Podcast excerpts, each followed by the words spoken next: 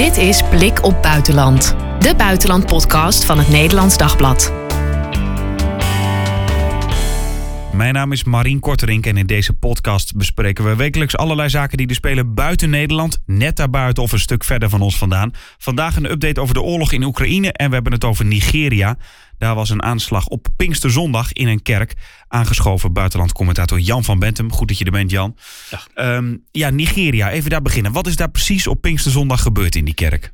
Een groep gewapende mannen is daar de kerk binnengestormd. Uh, de hoofduitgang slash ingang van de kerk werd geblokkeerd. Dan zijn ze in de kerk aan het schieten gegaan. Uh, hebben ook met uh, explosieven gegooid. Mensen die probeerden naar buiten te vluchten werden daar opgewacht door andere gewapende schutters. En bij elkaar zijn er volgens lokale autoriteiten ruim 50 doden gevallen, plus nog een hele hoop gewonden. De daders zijn ontkomen. Uh, maar ja, het was wel typisch op christenen op Pinksterzondag. Dus dat heeft wel een duidelijke betekenis gehad. Ja, want was dat bewust op Pinksterzondag? Nou, dat doet. Uh, laten we eerst even beginnen. De lokale provincie van, uh, van ISIS in West-Afrika. Dat heet dan de Islamitische Staat West-Afrikaanse provincie, ISWAP. Ja. Die heeft de aanslag geclaimd. Het past ook in hun patroon van aanslagen. Hetzelfde soort aanslagen hebben ze in Sri Lanka uitgevoerd, aanhangers van ISIS. Het is op meer uh, plekken gebeurd. Deze afgelopen zondag is het ook gebeurd in Congo. Daar hebben ze ook een christelijk dorp overvallen. Er zijn ook 20 doden bijgevallen. Uh, dat is geclaimd door ISKAP, de andere afdeling van ISIS. Dat is de Islamitische Staat Centraal-Afrikaanse provincie, noemen ze zichzelf. Uh, het doelwit is dus vooral christenen naast militairen van de staten waarin ze bezig zijn. En even voor ons beeld, je hebt dus eigenlijk Islamitische Staat en die heeft allemaal subafdelingen. Ja, bijvoorbeeld in uh, Nigeria had je al Boko Haram. En Boko Haram is deels uit elkaar gevallen, waarbij het belangrijkste deel zich heeft aangesloten zich, uh, bij, uh, bij ISIS, uh, bij een toenmalige leider van ISIS, Abu Bakr al-Baghdadi. Nou, ook na zijn dood hebben ze de opvolgers van deze man allemaal hun trouw aan beleden. En dat doen ze nog steeds. En ISWAP, zeg maar de ISIS-tak, is de meest gewelddadige, nou niet de meest gewelddadige, Boko Haram was eigenlijk het meest gewelddadige, maar is WAP is, is groter, heeft meer uh, aanvalscapaciteit en veroorzaakt dus meer ellende. Nou zien we wel meerdere aanvallen in de afgelopen jaren van, van ISWAP, uh, in, onder andere Nigeria. Uh, is dit nog bijzonder? of? Dit is bijzonder in die zin dat dit in het noord, in het zuidwesten van Nigeria is. Ehm, terwijl het, het al die andere aanvallen vooral in het noordoosten zaten. Dat was met Boko Haram ook al zo. Hè? Die zaten ook vaak in het noorden. Die zaten dus echt in richting de Tjaadmeer en dergelijke. En uh, ook de landen daaromheen, zoals Cameroen en Burundi. Um, dit is dus een heel eind verderop. Maar op 3 mei was er al een grafiek van een organisatie die zich bezighoudt. Extract heet dat. Die zet alle aanslagen op kaart, in, in tijdsvolgorde zeg maar. Qua locatie. Qua locatie. En op 3 mei zag je dat ISWAP in één keer van Noordoost Nigeria steeds meer aanslagen pleegde richting het Zuidoosten. Echt in een rechte lijn. En als je die lijn doortrok, dan kwam je begin mei al uit vlak bij de staat waar nu de aanslag is gepleegd. Dus vlak ook bij deze stad Owo. En wat, wat is de verklaring daarvoor dat ze zo afzakken? Er zijn een paar mogelijkheden. Eén, uh, christenen willen ze treffen. Ze willen religieuze onrust. In liefst het hele land, want er komen verkiezingen. Dus dat zoveel mogelijk verstoren. Twee is dat er net in december een rapport was, open, uh, was gepubliceerd door ECOWAS. En ECOWAS is zeg maar een soort veiligheidsorganisatie waarin West-Afrikaanse landen samenwerken, maar ook economisch samenwerken. En dat rapport had dus doorgenomen hoe Nigeria de financiële handel en wandel van ISWAP, dus van ISIS, had aangepakt. Niet dus. Er waren een aantal figuren opgepakt in Saudi-Arabië en de Verenigde Arabische Emiraten. Mm -hmm. Die zorgden ervoor dat geld dat ISWAP verdiende met uh, belastingen, zoals ze dat dan noemen. Dus afgedwongen van uh, burgers. En je moet geld betalen om in ja. dit gebied te mogen leven. Of te blijven leven. Maar ook door handel, door dingen te verkopen. al dan niet geroofd. Dat ging tot ongeveer 36 miljoen dollar, dus een, zeg maar een 35 miljoen euro per jaar. En dat ging gewoon door het Nigeriaanse betalingssysteem. De Saoedi's en de Verenigde Arabische Emiraten hebben hun gegevens zeg maar, letterlijk op een briefje aan Nigeria gegeven. Hier heb je de data. Dit zijn de lui die erachter zitten. Kun je ze pakken. En Nigeria heeft niks gedaan volgens ECOWAS. Het, eh, de, de, de, uitspraken van ECOWAS waren heftig. Maar aan de andere kant, het financiële systeem van ISWAP lag dus op tafel. Dan, ja, eh, of je blijft in je eigen provincie zitten, maar het kan zijn dat je handel vandaar minder makkelijk wordt, toch op den duur. Want er is nogal wat over te doen geweest. Uh, of je breidt het geweld uit naar andere delen van het land waar nog niet echt veel onrust is. Ja, dus eigenlijk was het zo van er was wat gedoe rondom ze. Eh, de, Nigeriaanse overheid heeft ze niet aangepakt. Maar vanwege het gedoe en de rumoer die er is, eh, dachten ze we moeten naar een ander gebied waar we in die zin ook wat minder bekend zijn misschien nog. Ja, ik, eh, als je de, de, blaadjes van ISIS leest, Al-Nakba heet dat. Dat is in het Arabisch, dus dat is stukje voor stukje vertalen helaas. Maar dan zie je dus dat zij er in de laatste uitgave nummer 341 al hebben over explosies in Noord- en Zuid-Nigeria. Dus daarin laten ze al zien dat ze die kant op gingen. En dan hebben ze het ook weer in dit bericht over gedode Nigeriaanse militairen en milities die het uh, Nigeriaanse beleger ondersteunen en christenen. Dat zijn de belangrijkste doelwetten, ook voor ISWAP in Nigeria. Ja. En wat, wat betekent dat voor de christenen daar? Want eerst dachten die, we moeten vluchten uit Noord. Ja. En in Zuid was het toen ook nog relatief veilig. Ja. Behalve dat je daar wel geweld had van sommige nomadengroepen. Herders die uh, dorpen aanvielen uh, vanwege landbouwgebieden of, of uh, grasvelden. Ja. Um, maar Boko Haram en IS kwamen daar niet. Daar nee. Nauwelijks. Nee. een hele enkele keer dus. En nu zie je dus echt een, een nou ja, een duidelijk afgetekende lijn ook naar het zuidwesten van Nigeria toe. Als een operatiegebied voor deze sterkste tak van ISIS in Nigeria. Ja, en wat, ja, wat, wat, wat doen de christenen dan? Gaan die het land uit of nou, overwegen ze dat? Op dit moment, uh, je hebt ook een reactie. Bijvoorbeeld er is een Nigeriaanse aartsbisschop, uh, die zit ook in het Vaticaan. En die heeft uh, de Nigeriaanse overheid flink verweten niks te doen. bijna medeplichtig te zijn aan dit geweld. Om, omdat ze ja, de, de, de huidige president, toen hij in 2015 werd eh, verkozen, heeft hij beloofd een eind te maken aan het toen ook al waanzinnige geweld van Boko Haram. Nou, daar is hij gewoon niet in geslaagd. En in de komende verkiezingen zal dit dus ook een rol spelen. Uh, en hoe gek het ook klinkt, ISIS hoopt op meer geweld. Hoopt op meer gevechten met het leger. Want dat brengt je tot de glorie als martelaar voor Allah. Ja. Het, bedoel, dat is een manier van denken, daar kun je met je hoofd niet bij, maar zo denken ze wel. Die verkiezingen die, eh, die komen eraan. Uh, wat is het perspectief voor de christenen? Kan het nog erger worden dan het nu al is? Uh, kijk, in die gebieden waar Boko Haram en ISWAP bezig zijn, daar hebben ze weinig soelaas van wat voor uitslag van de verkiezingen ook. Tenzij een nieuwe president en een nieuwe regering echt effectiever gaan optreden tegen het terroristische geweld. En daarvoor, daartoe worden ze ook wel aangezet door de buurlanden. Maar eigenlijk in de hele regio was vorig jaar ook al een conclusie van meerdere onderzoeken. Ook bijvoorbeeld Klingendaal hier in Den Haag. Um, niet falend bestuur, niet goed regeren voor de burgers, maar hen uitbuiten voor je eigen gewin, dat is een van de elementen waardoor die terreurbewegingen, zoals ISWAP, maar ook Al-Qaeda, wat weer actiever wordt in, in, meer in het noorden, kunnen blijven doorgaan. Denk aan de problemen die we hadden met die vredesmissie in Mali. Die regering die presteerde gewoon niet. En dan kun je wel de terroristen aanpakken. Maar als het volk niet kan leven door wanbeleid, ja, waar ga je dan naartoe? Dan ga je naar die figuren toe die jou kunstmest, graan leveren, humanitaire hulp. Dat doet bijvoorbeeld Al-Qaeda. Hoe komt het dat we dan zo weinig uh, lezen of horen eigenlijk over IS? Want ik denk dat veel mensen die misschien nu luisteren ook denken IS. Oh, ik heb er al een hele tijd niks meer van gehoord. Ja, nou, het laat cynisch zijn, omdat er geen aanslagen meer zijn in Europa.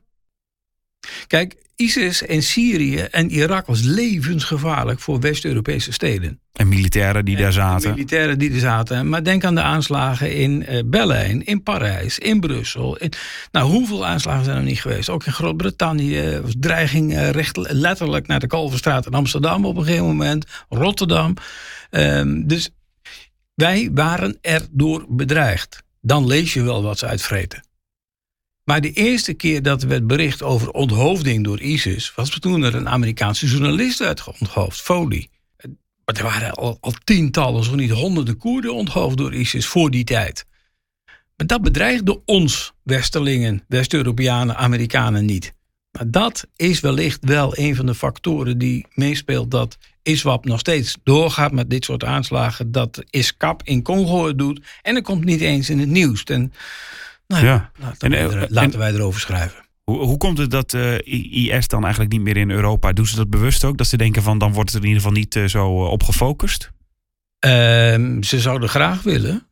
Maar de westerse veiligheidsdiensten zijn heel scherp. Heel alert, heel alert en hebben heel wat aanslagen weten te voorkomen. En er zijn behoorlijk wat mensen, echt honderden in West-Europa, veroordeeld wegens uh, lidmaatschap van een terroristische organisatie. En denk, als je dit straf hebt uitgezeten, ook dan word jij nog scherp in de gaten gehouden. Er zit heel wat mankracht achter. En ook bijvoorbeeld de Nederlandse AIVD besteedt er veel tijd aan, maar ook andere vormen van onze veiligheidsdiensten. Ehm, die werden ook in Europees verband geroemd dat ze heel scherp hierop zijn. Dus het is vooral daaraan te danken in plaats van dat de IS het niet wil. Uh, ik denk het wel, ja. Kijk, je zult niet het achterste van de tong horen van, van de veiligheidsdiensten wat ze doen. Maar bijvoorbeeld in, uh, je hebt toen 2015 heb je ook zo'n reeks aanslagen gehad. Ook in uh, 2014 ook in, in Groot-Brittannië. Nou, in de tijd daarna werden er tot 20 aanslagen per jaar, grote aanslagen voorkomen. Een Franse minister van Binnenlandse Zaken heeft het ook wel eens een keer gezegd. na die aanslagen in Parijs in het halve jaar daarna waren er nog twaalf vereidelde aanslagen. Die, die niet hebben plaatsgevonden. En dat is dan de verklaring daarvoor? De, ja, de veiligheidsdiensten die daar dus heel scherp op zijn. Maar ja, dan nog, hè, er kan wel doorheen glippen. En dat, dat bleek dus later ook wel weer. Denk aan Charlie Hebdo en dergelijke. Heel kleine groepen die heel lokaal met ongelooflijk veel geweld een, hoop, een, groot aantal mensen doden. En dat we er hier dus niet mee te maken hebben, zegt niks over dat ze niet actief zijn. Want dat zijn ze, nou, dat hebben we gehoord in Nigeria en omgeving, in Congo onder andere nog steeds. Ja, maar ook in, uh, in Azië. grote schaal in uh, Afghanistan, wat dan zij dan de provincie Khorasan noemen. is echt een van de grootste uh, veiligheidsdreigingen op dit moment. Naast de maatregelen die de Taliban nemen tegen vrouwen en minderheden. Ja, daar lezen we ook nog wel eens wat over. Ja. Ehm, we moeten het ook nog over iets anders hebben. Over de oorlog in Oekraïne. En dan eigenlijk specifiek over graan. De Russische vloot blokkeert al weken Oekraïnse schepen in de Zwarte Zee. En omdat Oekraïne een belangrijke exporteur van graan is, dreigt er daardoor wereldwijd een voedselcrisis. We hebben het al eens kort genoemd. Maar het ja, wordt wat acuter eigenlijk, hè? Ja, afgelopen week heeft Tjaad uh, een noodsituatie op, uh, qua voedselvoorziening afgekondigd. Een land in Afrika ook, hè? Een land in Afrika, een groot land. Uh, en een van de belangrijkste redenen is dat er geen graan meer uit de Oekraïne komt. En dat mede daardoor de graanprijzen voor wat er dan nog te koop is, ook nog eens enorm zijn gestegen. Dus Tjaad trekt het niet meer. En dat is het eerste land, maar ook in Somalië is al een hongersnood aan het ontstaan. Vormt zich al. Er zijn al sterk ondervoede mensen daar, vooral kinderen. Dus je ziet het al beginnen. Ja, je ziet het al beginnen. Eventjes bij het begin ook beginnen. Graan. Oekraïne weten we is een belangrijke exporteur van graan. Welke landen zijn dat nog meer? Als zij niet leveren, welke landen... Uh... Rusland is ook een belangrijke exporteur. Uh, die verwacht een recordoogst in juni, juli. Uh, willen dus gouden zaken doen daarmee. Rusland heeft ook naar verluid 500.000 ton graan gestolen uit Oekraïnse silo's in uh, regio's als Zaporizhia, Gerson, maar ook uh, gebieden in Donetsk en Lugansk, die eerst onder uh, het regime stonden nog van de regering in Kiev, hè, onder bewind daarvan. Dat is vervoerd richting Sebastopol, zegt bijvoorbeeld de New York Times. Die heeft daar satellietopnames van gezien. Daar is het in schepen geladen. Een van die schepen werd een aantal dagen later aangetroffen in de Syrische haven Latakia. Een bondgenoot van Poetin. Ja, daar maar, in een manier Assad. Ja, want Rusland is dus ook een grote exporteur. Maar zijn er nog andere landen die dat, bijvoorbeeld dat gat op kunnen vullen? Nou, om de Verenigde die... Staten proberen het zo goed als mogelijk. Maar in de Verenigde Staten hebben zelf te kampen met droogte op belangrijk, in belangrijke landbouwgebieden. Hetzelfde geldt voor Frankrijk, dat uh, heel veel droogte heeft gekend. Uh, dan moet je dus echt naar andere landen gaan kijken. Misschien dat Brazilië iets kan bijspringen, is een gedachte. Maar uh, het Wereldvoedselprogramma bijvoorbeeld betrok tot voor kort ongeveer de helft van zijn graan, wat het voor de voedselhulp gebruikte, uit Oekraïne. Ja, die, die staan echt op hun kop te dansen van jongens, hallo, dit gaat ongelooflijk fout. Dat graan moet vrijkomen. Eh, Oekraïne heeft dus graan en dat ligt dus dan allemaal eh, ja, in de. Zwarte Zee? In silo's, zelfs in de haven van Odessa. Maar voor de haven liggen mijnen. Die zijn zowel door de Russen dan leeggelegd als ook door de Oekraïners. Om Russische marineschepen tegen te houden. Om elkaar eigenlijk tegen te elkaar houden. tegen te houden. Nou, eh, Oekraïne heeft geen vloot eigenlijk. Dus het opruimen, dat moet dan met burgerschepen gebeuren. Dan moet dat niet worden beschoten door de Russen. Dus daar heb je een akkoord over nodig. Er zijn Russische onderhandelaars afgelopen zondag naar eh, Turkije gegaan, waar ze dan gaan praten over hoe kunnen wij dat regelen, Rusland en Turkije. Oekraïne zit niet aan tafel, dat wordt dan ook Bijzonder. Ja. Eh, en Oekraïne moet het wel allemaal betalen. En die moet de schepen onderhouden en verzorgen voor de verzekering. En die moet zorgen dat die, eh, die havens eh, goed functioneren. En hoe doe je dat als je dan met Russische raketten wordt beschoten? Ja. Dan moet je ze aan de Russen geven. Maar waar, waarom zit Turkije dat te regelen? Turkije heeft goede relaties met zowel Oekraïne als Rusland. En eh, door dit soort dingen te doen kan Erdogan bewijzen dat hij een belangrijke speler is. Ja. Maar En Turkije beheerst de Bosporus. Daar al die schepen doorheen moeten. Ja, maar de Oekraïners technisch gezien moeten dus alles leveren en alles regelen met het risico dat ze beschoten worden door de Russen. Ja, of dat de Russen denken van, ha, de weg is vrij, vol gas naar Odessa.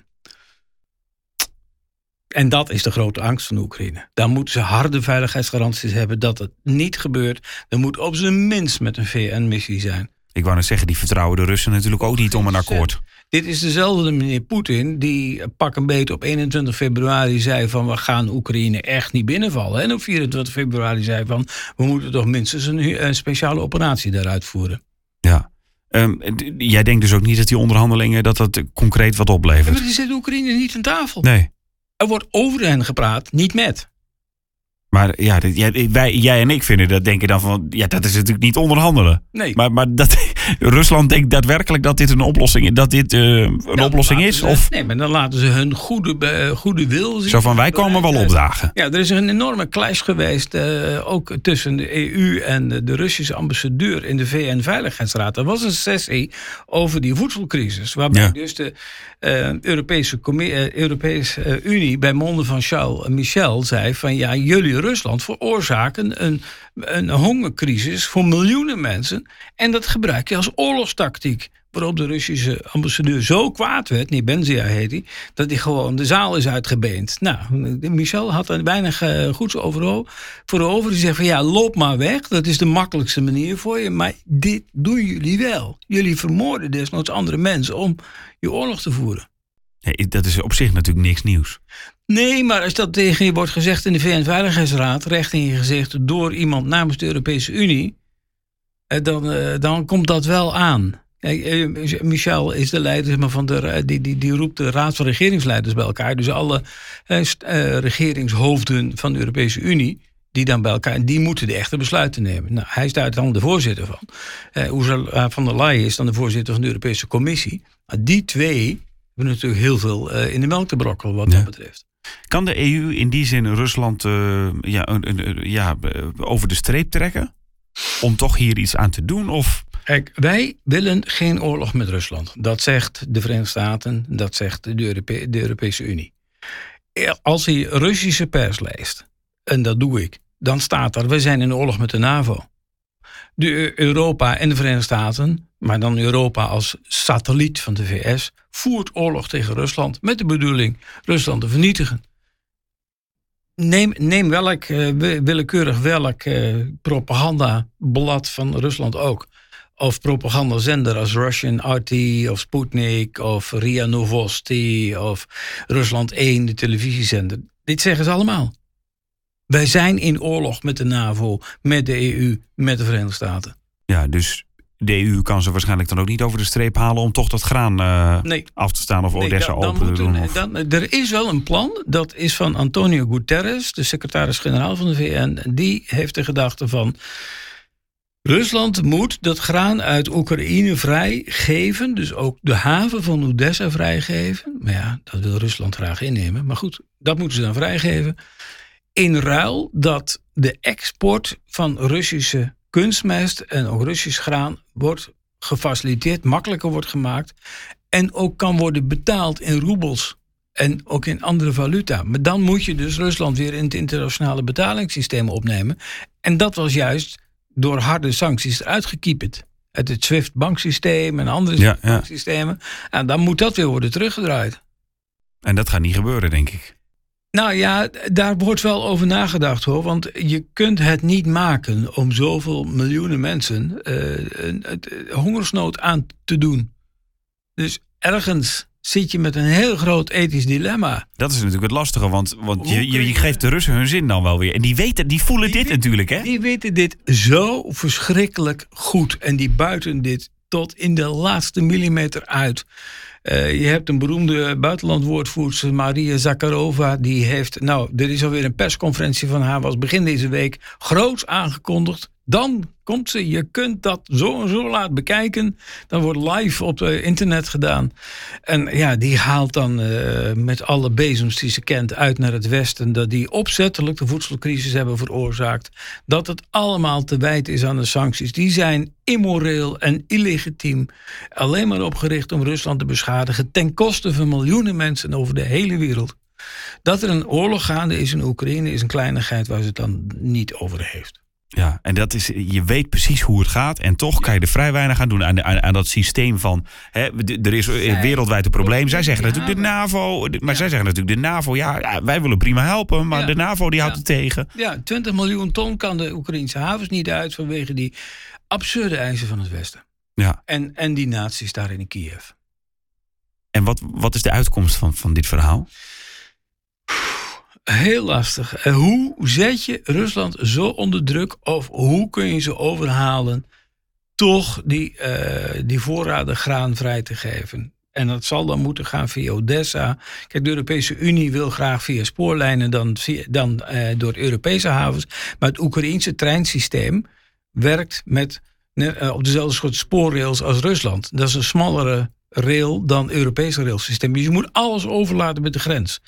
Eh, er is uitgerekend als je de huidige voorraad graan in de silo's in Oekraïne op die manier wil transporteren, ben je dik twee jaar bezig. Dan heb je alleen de huidige voorraad van ruim 20 miljoen ton weggehaald. Niet de komende oogst, niet de oogst erna.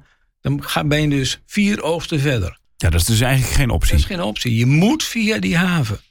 Ja, en dan moet daar dus overeenstemming over bereikt worden. In, en, en daar ben ik nog aan het uitzoeken. Er wordt toch ook wel in militaire eh, kringen gedacht over... zouden we niet een konvooisysteem toch moeten opzetten? Daar zijn plannen voor gemaakt, daar hebben we het ook al over gehad. Dat je dat dan moet doen door landen die dat graan hard nodig hebben. Denk aan Egypte of andere landen. Maar er wordt ook wel gedacht over... zouden we niet als westerse landen moeten zeggen... je kunt het eh, nu hier en daar krijgen... maar wij gaan dat graan ophalen... en halen het niet in je botte hoofd om te schieten. Ja.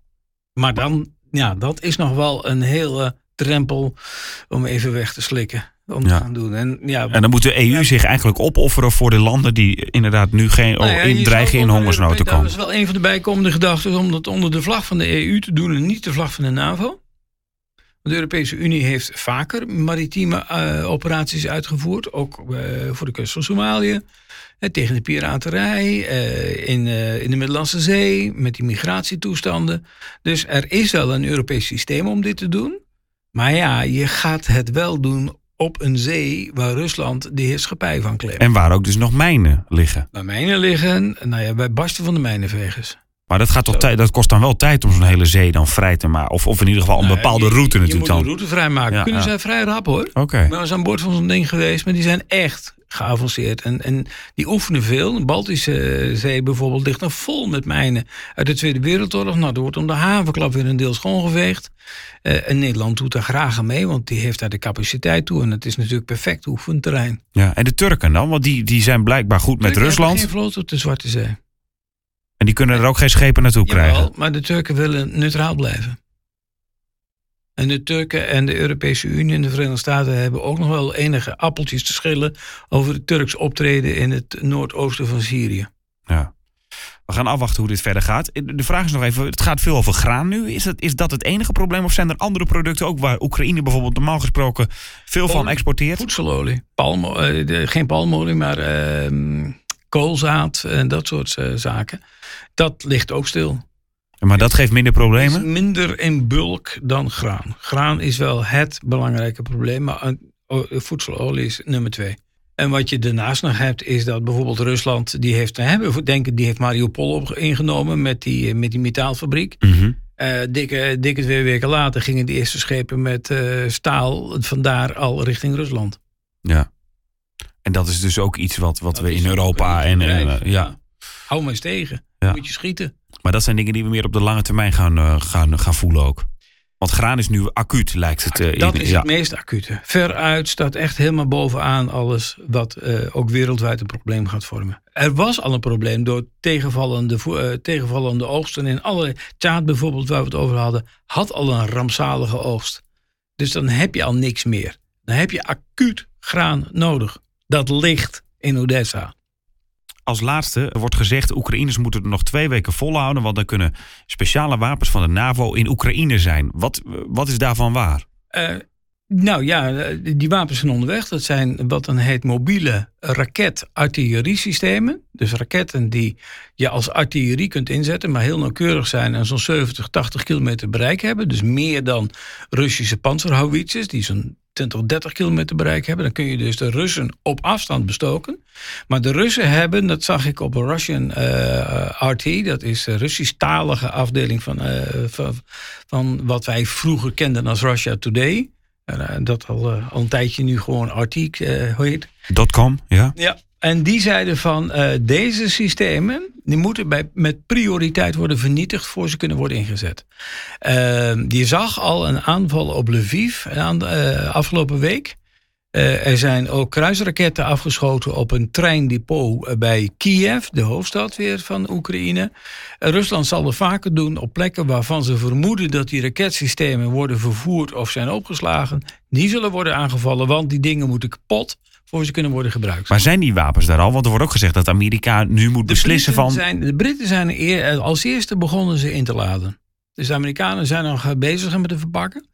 Eh, De Britten zijn al begonnen met in te laden, maar het zal meerdere weken kosten voordat je de, bemannings, de Oekraïnse bemanningen zo getraind hebt dat ze ze effectief kunnen inzetten. Ik bedoel, afschieten wil wel, maar ze moeten ook ergens heel precies neerkomen. En dat is een lastiger proces en dat kost een aantal weken om te leren. Maar als die daadwerkelijk naar Oekraïne gaan en als ze geïnstalleerd zijn, betekent dat dan ook een, een kentering in de oorlog? Ja, in het zijn er niet zo gek veel. Als ik het uit mijn hoofd zeg, dan leveren eh, zowel de Verenigde Staten als de Britten elk zo'n stuk of zes van die systemen.